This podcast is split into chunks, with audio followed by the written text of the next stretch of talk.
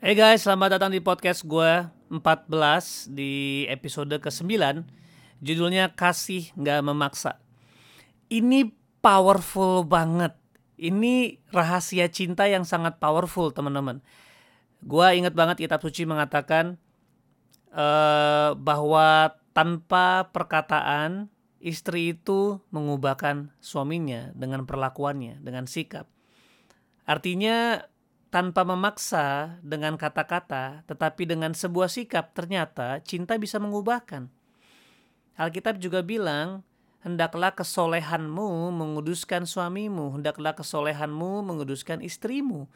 Jadi tanpa perkataan kita bisa memenangkan orang. Ini keren banget. Nah lu harus sadar bahwa kasih itu tidak memaksakan perubahan.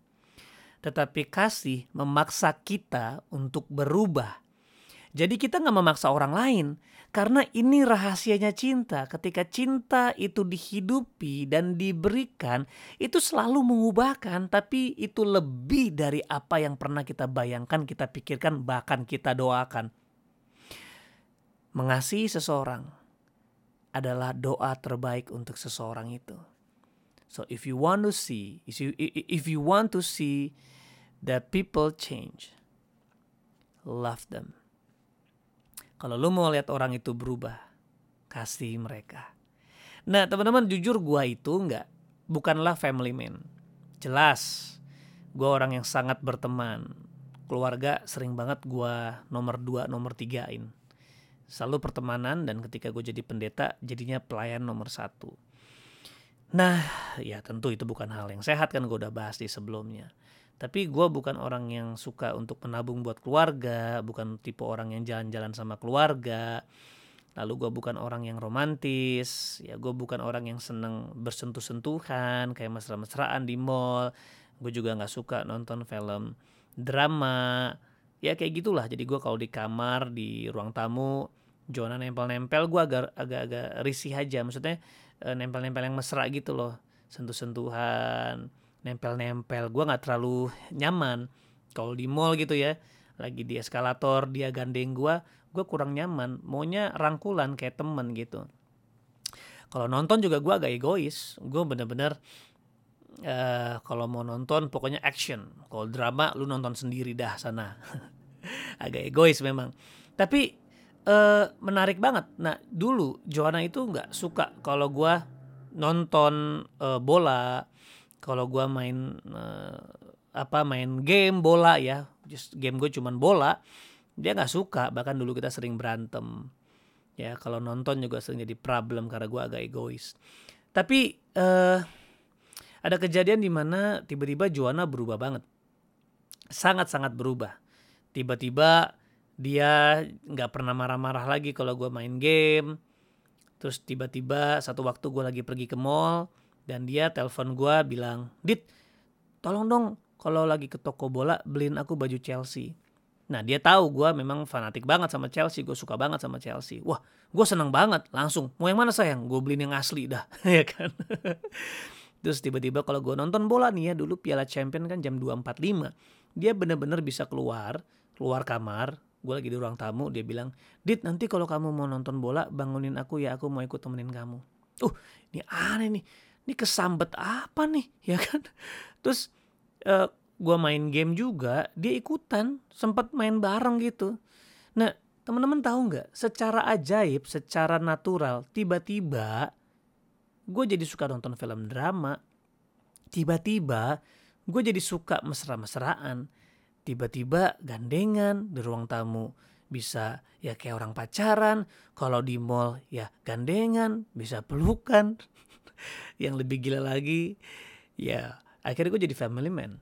Di gue inget banget ulang tahun gue 2014 pertama kali gue nabung untuk nginep di hotel di ulang tahun gue biasanya ulang tahun gue gue pasti main sama anak-anak maksudnya sama anak gereja sama teman-teman tongkrongan. Tapi ini enggak min. Gue nabung gue nginep di ancol waktu itu itu membuat Joanna surprise banget men. Nah lo tahu nggak sih bahwa setiap orang itu punya kebutuhan ada yang namanya trust cycle. Nah, sering kali cycle ini nggak eh, cycle trust ini nggak kebangun karena setiap orang berusaha memaksa menuntut kebutuhannya biar dipenuhi.